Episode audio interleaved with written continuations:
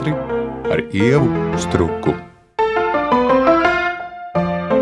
Radījuma šņurbēniņa viesis šoreiz ir aktieris un režisors Inters Rešetins. Prieks tevi redzēt studijā. Sveiks, Inter! Sveiki, sen esam tikušies.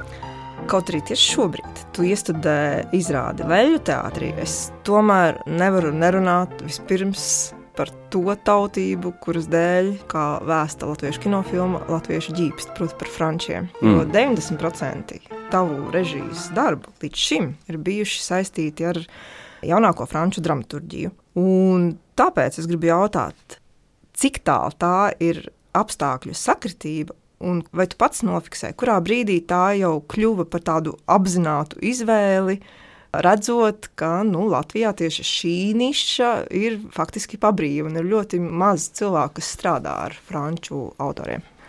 Nu, viens no maniem režisoriem, pie kuriem es esmu strādājis, bija Arnis Ozols, kas savukārt arī aizrāvās ar franču dramaturgiju un literatūru. Un, bet eh, tas nav viņa nopelns, ka es mīlu franču dramaturgiju. Nu, liels, milzīgs paldies man ir jāsaka Agnesei Kasparovai, ar kuru mēs esam ļoti daudz strādājuši kopā. Viņa ir tiešām burvīgs cilvēks, un mēs pasauli lasām ļoti, ļoti līdzīgi. Viņa mani uzrunāja pēc manas debijas izrādes, nakts vēl nav galā. Un tā mēs sadraudzējāmies, un tā kā viņa pārstāv to francisko pusi, jo ir izmācījusies franču valodu, un viņai tā pasaule ir tuva, kaut kā sapratu, ka tās tēmas, kur viņi sāk sūtīt pa e-pastiem, man raisa interesi, nu, sinopsītas veidā, jā, ka es saprotu, ka pirmkārt es vēlos ievibrēt arī Latvijas sabiedrību, tos teātra mīļus, ar to problemātiku, ar kuru nodarbojas franču literatūra, dramaturģija, autori.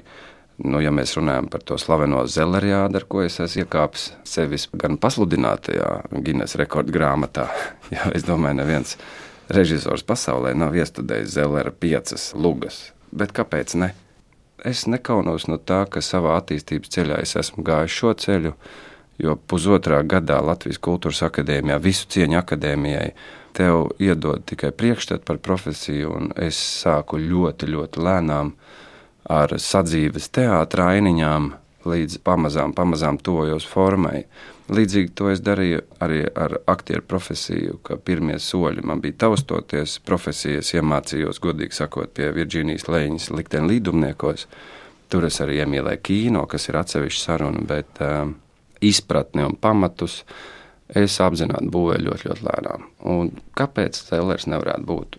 Un tie franči, atgriežoties pie jautājuma, raksta emocionāli man iedarbīgā veidā, vai tā būtu drāma, tā būtu komēdija, vai tā būtu traģikomēdija.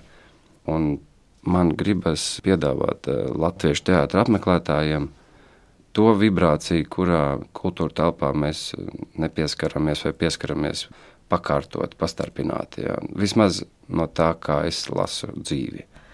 Es domāju, ļoti daudz cilvēkiem Latvijā Francija saistās mīlestību, modi, šārmu, vēl kaut ko. Tā sajūta, ko es izceltu kā pirmo, ka viņi vienkārši pašu dzīvi var vieglāk. Vai tas ir saistīts ar to kultūras senumu, vai gluži vienkārši ar dienvidnieciskumu, kas tomēr nav mūsu ziemeļu temperaments, bet tās lugas zelera atspoguļo un rāda, ka faktiski ir smagi. Ir smagi dažādās ģimenes situācijās, un vienīgais, par ko es dažkārt varbūt pie sevis esmu paironizējis, nu, ka viņš ir aplūkojis visus ģimenes locekļus. Tēti, mammu, dēlu, un es patīju, ka viņš tā kā iziet cauri tai ģimenei. Nu, daudz jau vairs tālāk nav īsti, kur iet. Kaimiņš. Kaimiņš. Bet tiešām jautājums ir par to, vai caur šo vienu autoru, pēc tavām domām, vai tas atspoguļo to, kas ir tajā Francijā pēc būtības. Un ar ko tev pašam franču kultūra saistās vai franču dzīves stils? Pirmkārt, jāsāk ar to, ka es esmu dziļi konservatīvs cilvēks. Un tas ir mans pamats. Tā man vecāki ir audzinājuši, un es vēlos šo audzināšanu nodot tālāk. Vecāka Eiropa arī ir dziļi konservatīva pēc būtības, bet tā globālā tendence, tā liberālā puse, kas ienāk, tas, nu, protams, ir atstājis kaut kādas pēdas gan viņu eksistencē, gan izteiksmes veidos, literatūrā, dramaturgijā, kino bet tas franču vieglums, tas nenozīmē, ka viņi ir virspusēji. tad jau Zelers nerakstītu par tēvu, kuram ir demence, un par ģimenes traģēdiju, vai par dēlu, kas izdara pašnāvību, vai par māti, kur sajūta prātā. Man patīk šis cilvēciskais kods, ģimene, ģimenes problēmas, jo nekas pasaulē nav būtiskāks par ģimeni. Un uh, tas ir jebkurā no manas iestudējumiem redzams, es domāju, arī bērnu izrādēs vai koncertos, ģimene kā centrs. Protams, ka man kā latviešu režisoram klāt noteikti ir tas smagnējums, kas piemīt uh, mums visiem, bet uh, līdz tam viņu vieglumam tik viegli nemaz tikt nevar. Nu jā, es esmu vājš pret Zelleru. Es gan esmu apsolījis pilnīgi visiem, ka es vairs Zelleru neiestudēšu. Es varētu turpināt mierīgi. Mm. Bet pirmā tava profesija ir aktieris, un tu esi spēlējis turklāt lielas un skaistas lomas.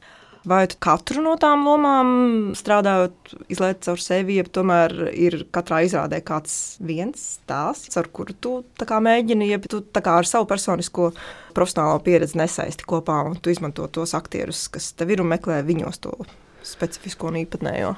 Kā ir būt aktierim, režisoram? Es jau visu laiku augu, un būt par režisoru ir ļoti, ļoti interesanti.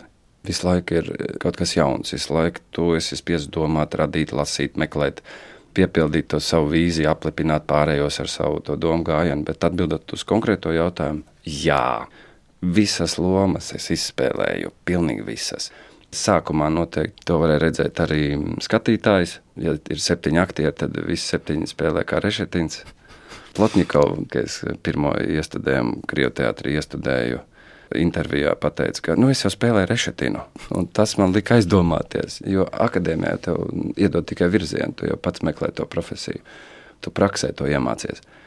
Nu, es pieņemsim, neapskaužu tos aktierus, kas uh, sāk strādāt pie iestudējuma, ka režisors ir tikko no sola. Vai mēs gultu zem skalpeļa pie doktora, kas ir mācījies tikai pusotru gadu. Nu, šeit, protams, ir tāda nu, nepilna 20 gadu pieredze kā aktierim, un tad ir tāda drošības sajūta, ka kaut ko jau es nojaušu. Jo no katra režisora, ar kuru es esmu strādājis, es esmu paņēmis savā vācelītē, ah, jā, tas man der, tas man patīk, tā metode man patīk. Šitā noteikti es nekad nedarīšu. Es nekad nepazemoju aktierus, nekliedzu uz viņiem. Aktieris ir galvenais. Un aktieris stāstīs to man stāstu. Bet jā, es sākotnēji noteikti izspēlēju visas lomas. Tagad es arī spēlēju ne tik aktīvi, Bet šobrīd jau ir tā, ka es vairāk nodarbojos ar to savu stāstu stāstīšanu.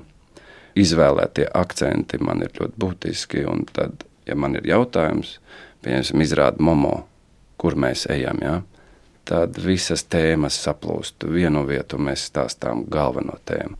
Bet to arī es iemācījos tikai praksē. Man skolā to nemācīja. Runājot vēl par frančiem, nevaru nepieminēt izrādi augli kas tika iestudēta Nacionālā teātrī jaunajā zālē, bet ietrāpīja galēji neveiksmīgākajā posmā, es domāju, pilnīgi visiem Latvijas teātra māksliniekiem, proti, Covid laikā. Bet kāpēc es gribu pie šīs izrādes atgriezties, kur gal galā joprojām ir teātra repertuārā? Tu strādāji ar uh, Lāsmu Kugrānu, tas bija izcili. Šai izcilībai ir jātic uz vārda, jo tas notika teātrī iekšējā rādīšanā, tad sākās uh, veselības problēmas. Un tu nevis izvēlējies, teiksim, Lāsmas Kugrānas vienaudzi šai lomai, bet uh, sastrādāji šo izrādumu lomu ar Ditu Lūriņu. Kā ir šādā situācijā, kad, teiksim, ir jāizmana būtībā nu, arī tāds koncepts, ka tiešām tās ir divu dažādu pauģu aktrises. Turklāt nevis mazā lomiņā, bet, nu, principā titulomā. Pirmkārt, es gribu pateikt divas lietas sākumā, pirms atbildēt uz jautājumu teātris Dievs ir man ļoti lutinājis ar iespēju strādāt ar tādu mēroga meistariem kā Lāsma vai Lilita Ozoliņa vai Valds Lūriņš, jā, tie grandi. Tā viņu pieredze un tas viņu cilvēciskais kods un dziļums, jā, es dievinu. Bet otra lieta, pirms es atbildu uz jautājumu, milzīgs paldies Ditai. Es, protams, konsultējos ar teātra direktoru Jānu Vimbu, ko darīt, trīs dienās, kad ar Lāsmu notika tas, kas notika, un vajadzēja aktrisi nomainīt. Um, Vimba teica, Dita ir vienīgā, kas to var izdarīt. Nu, tā tomēr ir tituloma. Man nebija variantu. Tita ir lieliska, mēs esam spēlējuši gan kopā, gan arī strādājuši ar tētīti. Par to nebija šaubu. Protams, ka stāsts ir cits. Pilnīgi cita rezonance, tās vibrācijas starp to polu, ja, ka Arturs Krūskops lieliski, manuprāt, spēlēja Un, kad ir jauna aukla, tad tur tā seksualitāte vēl pa vidu ienāk.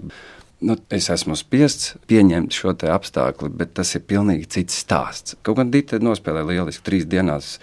Formu piedāvāja pati, es viņu tikai paregulēju, un man bija svarīgi, lai mēs šo stāstu varam izstāstīt, jo darbs ir ieguldīts milzīgs. Tur vēl tas Covid pa vidu un pandēmija, un kas tik tur nebija. Bet eh, tādu īsto pirmizrādi es tā arī nepiedzīvoju.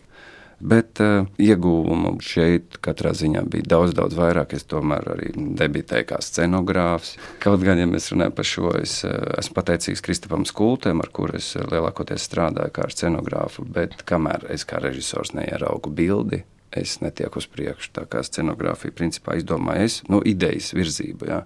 Tad iedot Kristapam, un viņš ir tik lielisks, ka viņš, mēs jau esam tajās attiecībās, jeb attiecību fāzē, ka viens otru lasām no pusvārda. Un tāpēc es arī nemainu savu radošo komandu. Man ir svarīga tā viena elpa. Kaut gan nevienmēr vajag vienādi elpot, un, un, un iespējams, ka pamainot kaut kādus lielumus, tu tiksi savā attīstībā tālāk. Es to redzu nereti visapkārt, ka tiešām ir šī tendence vai vēlme turēties pie tās savas komandas, jo tas dod droši vien tādu aizmugures sajūtu un drošības. Pleca. Un pleca sajūta, bet vienlaikus eh, man kā skatītājam, nerunāsim par mani kā vērtētāju, brīžiem ir tā sajūta, ka mm, es jau šo visu esmu redzējis, un tas ir kaut kas ļoti, ļoti atpazīstams, jo tā vizualitāte jau ir spēcīga un katram ir tas viņa rokraksts. Un brīžiem tomēr liekas, ka gribētos, jā, lai nērti ir tam režisoram, un lai viņš ir bez tās pleca sajūtas. Bet varbūt tā ir tāda kaprīze, protams, no skatītāja puses. Tā nebūtu nav kaprīze. Godīgi sakot, es visu laiku esmu domājis par to, ka man ir jāmainās pašam, jo katra izmaiņa, katrs sarežģījums liek tev augt. Un šis augšanas process visu laiku ir radošs un, un mokošs, protams, bet uh, mēs jau esam komandā tā sačupojušies, ka Kristaps nav vai Jāna Čilžele, nav tikai izpildītāji vai Raudinga tagad man horeogrāfs komandā. Strādājot gan pie Raiņa, kas šobrīd ir iesaldēts, gan arī pie Vafējas sirdī misijas tēts Leļu teātrī, es vairs nenāku ar gatavu uzstādījumu pie savas komandas. Milzīgs paldies, starp citu, Ilzai Vitoļiņai. Mēs Pāvilos tā katru gadu tiekamies, un mums ir tāds vismaz viens vakars, kur mēs parunājamies no sirds. Ilza man ir ļoti liels grieziens palīdzējis dzīvē izdarīt, arī aiziet no brīvības ielas 75. Par to es viņai esmu pateicīgs ļoti, gan arī vēl citus dažādus radošos griezienus. Ka es nenāku gatavs pie komandas, bet es nāku ar ierosmes uzdevumiem. Mēs braucam tajā virzienā un nesiet man savus variantus. Tas iesprūdzina viņus, un, un tad viņi, protams, sākumā ir neizpratnē, jo tā nav raduši ar mani strādāt bet uh, tas, ko viņi atnes klāt, tas daudz tālāk spēja aizsniegties, nekā es pats spētu izdomāt. Katrā ziņā es neesmu vēl nobriedis šobrīd kaut ko no radošās komandas mainīt, jo es pats varu mainīties un to vidi samainīt tā. Man ir ļoti būtisks komforts apstākļi, kādos es strādāju, un man gribas uzreiz jau iet un šaut, ne tikai trīt to zobenu un ar cilvēkiem, kam es uzticos, un ar kuriem mums nav tas laiks vajadzīgs, lai mēs pielāgotos, lai atrastu to kopīgo valodu. Tas iestudējuma process ir tik īss, un ja man vēl jāiepazīst, ir cilvēks, ar kuru varbūt es nesapratīšos, nu tad um, man žēl tā pazaudētā laika.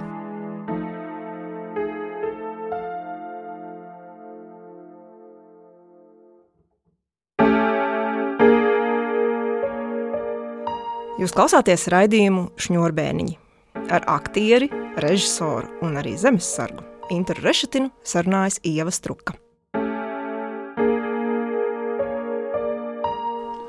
Klau, es domāju, tāds vērīgāks klausītājs jau nevar nedzirdēt, ka vārdu dēls teātris vietā tu mini brīvības iela 75 un tikko tev paspruka vārds Rainis. Līdz ar to es, protams, gribu jautāt par Raini, jo savā laikā, esot arī Kultūra Kapitāla fonda teātris nozares padomē, es, protams, lasīju projektu, kurā bija skaidri un gaiši rakstīts Inters Rešetins dēls teātra simtgadu jubilejai.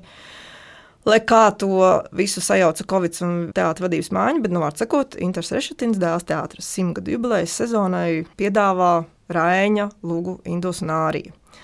Šo sezonu sākoties eh, rudenī teātris iestudējumiem, es redzēju, ka mm, Indus un Ārija, kas nerealizējās dēlē, bet es pieņemu tieši šo divu iemeslu dēļ, ir jau pārcēlies uz uh, Mihaila Čehova Rīgas Krievijas teātris, kas man likās.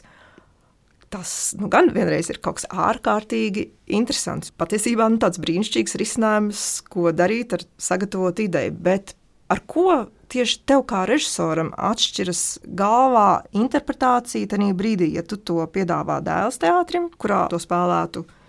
Nezinu, kas, bet nu, tā tad viena ļoti konkrēti aktieri, jo Indus un arī tomēr milzīgas lomas un ļoti atbildīgas lomas. Un ka tu galvā izdari šo pagriezienu un piedāvā, nezinu, nevis Liepājai, Valmierai vai Nacionālajai vai Jaunajam Rīgas teātrim, bet dodies uz Mihāļa Čehova Rīgas Krievu teātri. Kas tā kā mainītos, ja mainīsies? Nu, pirmkārt, projekts šobrīd Krievijas teātrī ir iesaldēts man nezināmu iemeslu dēļ. Nu, visi, kam ir tādas eh, dzīvē bijušas problēmas, var saprast, kā tas ir, kad tu gaidi bērniņu. Un, un, un apaudzē to visu stāstu, tev ir gatava scenogrāfija, tev ir gandrīz jau pabeigta oriģināla mūzika, un kurs Latvija, un laikmatīgā dēļa, un viss komanda ir nobrīfēta un tev pārtrauc. Tev saka, mēs iesaldējam un pārceļam. Šobrīd ir runa par 2025. gadu. Bet nu, tas nav jautājums man, kāpēc to pārcēlīt. Ja ir jāatbild uz jautājumu par daili un mm, pateicu daile. Jā, es esmu ļoti pateicīgs Dailas teātrim par to iespēju, kad es tur esmu bijis. Un tas arī savā ziņā man ir veidojis, un es nevēlos nevienu sliktu vārdu runāt par uh, savām bijušajām mājām. Nu, sirds man tur joprojām ir klāta, tā ir daļa no manas ģimenes, un tā ir daļa no manas esības. Bet uh, Rainis, jā, mākslinieckais vadītājs Džilingers, paldies viņam par to, tiešām uzticējās toreiz vēl nepieredzējušam. Varbūt arī šobrīd es neesmu pārāk pieredzējis Bet, nu, man liekas, izpratne ir krietni, krietni uzlabojusies, ko nozīmē režija un, un, un režijas pamati.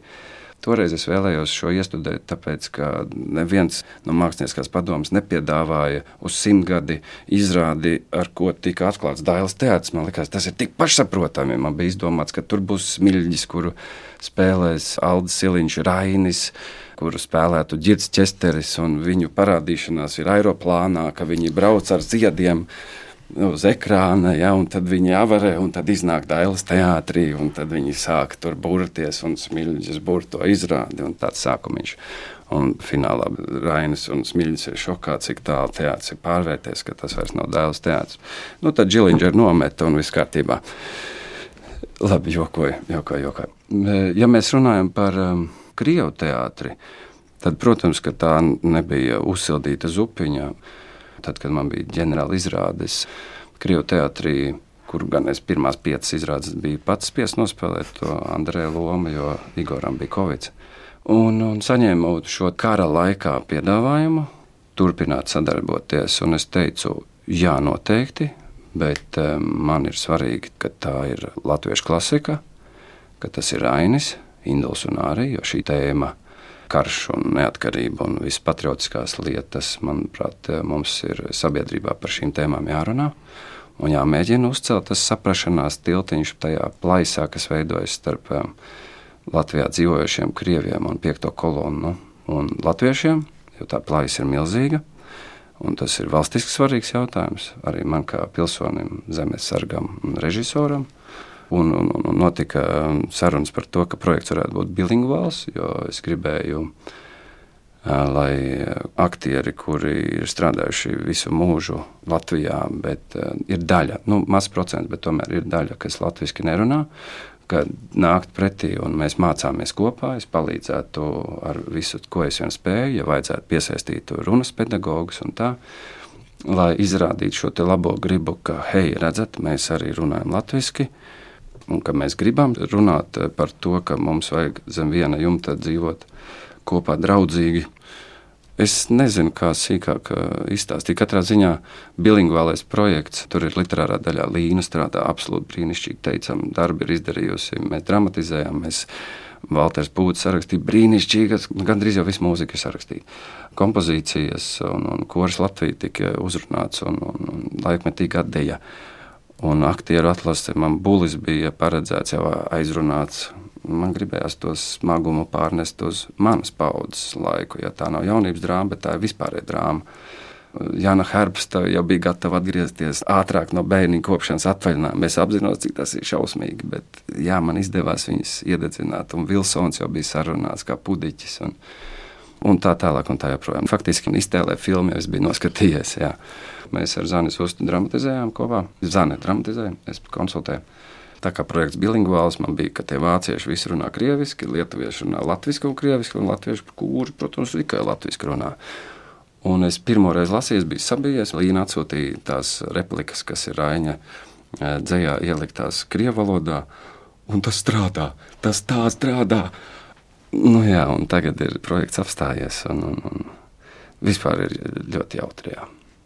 Skaidrs, ka tu nevari atbildēt par eh, iemesliem, Bet man tomēr ir jājautā, vai tu esi gatavs līdz tam 25 gadam gaidīt, kūtvēt sevī to, lai tas uzturētos dzīves, vai atkal tad ir jādzimst kādai vēl trešajai versijai šim darbam. Un kaut kādā brīdī jau tomēr dušiem beidzas mīlestība pret kādu vienu konkrētu darbu.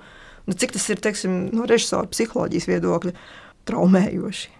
Tā ir skola, viss man ir skola. Protams, ka tā ir vilšanās.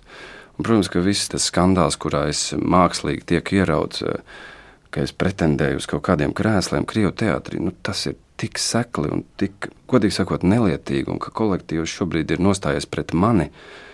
Tādā ziņā, ka acīm redzot, es esmu pasniegts kā kaut kādu anonīmu vēstuļu rakstītājs kultūras ministrijai. Nu, piedodiet man, tas ir zem mana goda. Nu, mans uzstādījums, ja es varu būt noderīgs ar savu darbu, tad darām. Tāpēc jau es gribēju šo raini iestudēt. Ja jūs esat lojāli šai valstī, tad šī ir iespēja būt lojāliem. Nevis pseido atrunas, ka jā, nejauciet citas gasudarstvas agresiju, jā, tie paziņojumi nu, ir tik neitrāli. Nu, Latvieši, es domāju, ka gribētu tomēr kaut ko konkrētāku dzirdēt. Jā, tauta, mēs esam ar jums, mēs iesim cīņā pret orkiem, ja mums uzbruks. Es uzvilcies, esmu aizvakar no zemesardzes mācībām atgriezos. Mēs mācāmies, kā apturēt orkus.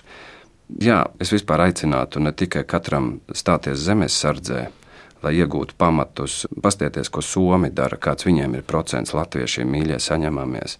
Mums šī zemīte ir pašiem jāizstāv. Un, ja mēs visi stāsimies gan latvieši, gan krievs, gan baltkrievs, gan polis, mums jābūt kopā. Nu, labi, varbūt es esmu pārāk patriotisks un, un radikāls. Man arī iestudējums bija paredzēts Rainim melns un balts, estētika melns un balts, jo kara laikā ir tikai mm. melns un balts.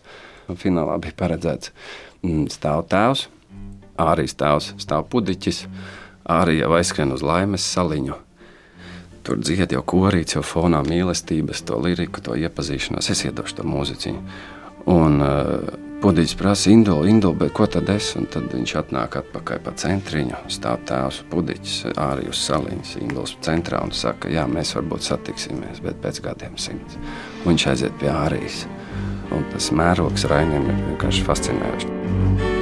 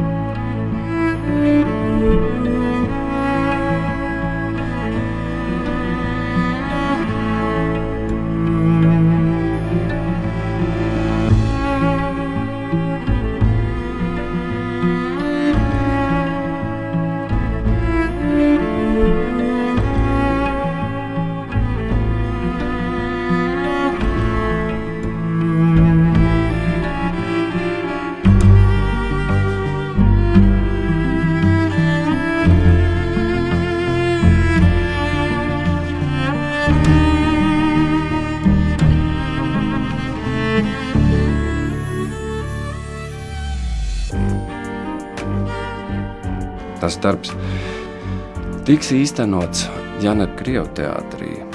Varbūt tas būs Latvijas radio. Es zinu, ka ķīmēlī iestudēja brīnišķīgi, bet es gribu šīs dzemdības. Šodienas aktualitātē, šodienas sāpē, vajadzībā mums ir jārunā par būtisko un tagad. Katrā ziņā es degu, man tas bērns ir svarīgs. Nu, protams, mēs ar šiem vārdiem arī varētu beigt, jo tā ir ļoti skaista izskaņa. Bet es gribu vienu jautājumu, vairāk tieši skatoties uz Latvijas teātra kopainu. Proti, ir ļoti saprotami un arī ļoti moderni teikt, ka māksla ir apolitiska. Un ka īstenībā mākslinieks eh, nevar tikt iesaistīts šādās sociālās aktivitātēs. Un vienlaikus man liekas, ka tik vienkārši arī tas nav. Un, Protams, teātrim nevajadzētu pārvērsties par tādiem, nezinu, aģitbrigādes priekšnosacījumiem, kas ir tā otra kaut kāda bīstamība. Bet kāda ir, abstrahējoties no šī konkrētā viena darba un ieceres, bet kāda ir tieši tā tava cilvēciskā sajūta par to, cik lielā mērā mākslinieks drīkst neredzēt to, kas notiek riņķī? Ļoti liels jautājums tas ir. Pirmkārt, manā skatījumā, ja mākslinieks ir apolitisks, nu tie ir tādi skarbi vārdi. Viņš ir gļēvulis, un viņš ir potenciālais nodevējs. Māksliniekiem, tāpat kā atmodas laikā, ir skaudri, skaidri jārāda sava pozīcija. Ja mēs esam par mieru, mēs esam nekādi. Kara laikā ir savi likumi. Es dzīvoju režīmā balts un melns. Es varbūt esmu pārāk radikāls Jo visi mākslinieki ir emocionāli, un es esmu tāds. Jā. Bet šis jautājums, manuprāt, ir ne tikai mākslinieku atbildība, bet tā ir visas ministrijas, kultūras ministrijas, politiskā ceļa, jeb virziena un uzstādījuma jautājums. Tad seko tālāk tikai teātris vadītāji, mākslinieckie vadītāji, viņu spēja savā kolektīvu runāt par procesiem, jo teātris ir mēdījis Tas nenozīmē, ka mēs diktēsim diktātu, bet tai virzībai kara laikā uz pašapziņas celšanu, uz mugurkaulu, uz pašpārliecinātības stiprināšanu. Jā. Mums ir jāiestājas pa mums, un mums ir jārunā mazliet skaļāk. Ja mēs pieminam šajā kontekstā Krievijas teātri, man ir, nu, es sekoju līdzi, tur ir mani draugi, tur ir aktieris, kurus es esmu ļoti iemīļojis. Un man ir ļoti, ļoti sāpīgi, ka ar tikai pāris piemēriem, jā, tur Rafalsons vai vēl kāds, ir izteicies uh, skaidrāk savu nostāju. Mums, latviešiem, ir jāzina, draugi, mīļie, krievalodīgie, konkrēta jūsu nostāja. Šis ir karš. Tas krievalodīgo procents Latvijā ir ļoti, ļoti augsts, un mums ir jākomunicē skaidri un atklāti Tikai tā mēs tiksim uz priekšu, ja mēs vēlamies dzīvot zem viena jumta. Runājam skaidru valodu. Un šis ir milzīgs jautājums arī Krievijas teātrim, kā viņi spēj iedarboties uz savu skatītāju. Jo tad, kad es teātrī aicināju uz to gājienu, es gribēju, lai viņi dzied dziesmu kaut krieviski. Dana pēc tam teica, nu, ka ne visi piekrīt, un tomēr to pieminekli gāž, un viņi tur arī daļa noteikti radīja iet, un, un arī skatītāji, nu, ka viņu skatītājs nesapratīs. Bet man gribējās, lai hops jau tagad būvējam šo tiltu ar šo ne tikai tautas gājienu par pieminiektu gāšanu, bet ar šādu no viņu puses veikto soli. Es domāju, ka tas saprašanās tilts jau tad tiktu sākts būvēt. Tas ir lielais jautājums, kas būtu jārisina valstiski. Nu, interesi var novēlēt tikai, lai tas induls ar āriju satiekas.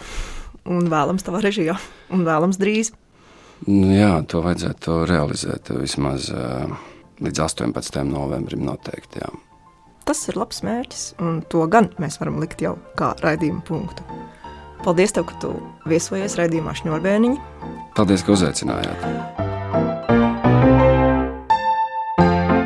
Ar aktieru un režisoru Interu Rešetinu sarunājās Ieva Struka. Šņurbēniņa.